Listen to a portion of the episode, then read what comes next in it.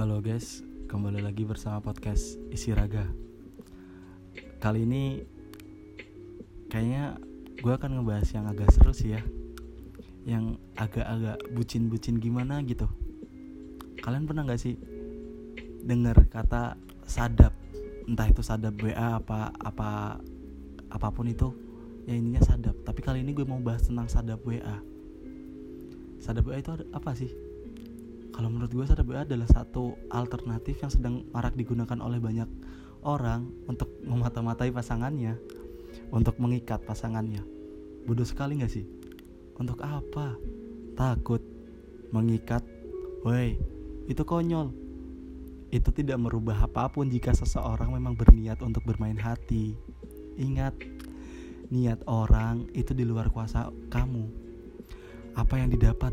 Informasi mengetahui yang ada hanya sakit yang kita dapat. Toh masih banyak cara kok untuk mereka bermain. Ketika kamu terpaksa mulai memata-matai, sesungguhnya itu adalah jawaban. Coba sekarang jawab, apa kamu bisa menyadap hati dan pikirannya dari orang lain atau kecurangan dia sendiri? Tidak. Jadi, sesungguhnya itu tidak perlu ada yang tidak perlu kamu cari tahu lagi setelah kamu tahu.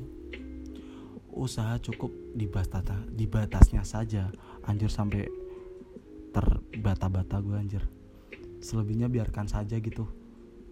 Bukankah itu lebih baik? Karena semua menjadi jelas.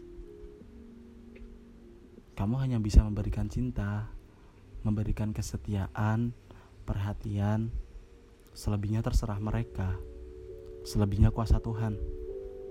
Kesetiaan yang diminta-minta tidak layak dimiliki.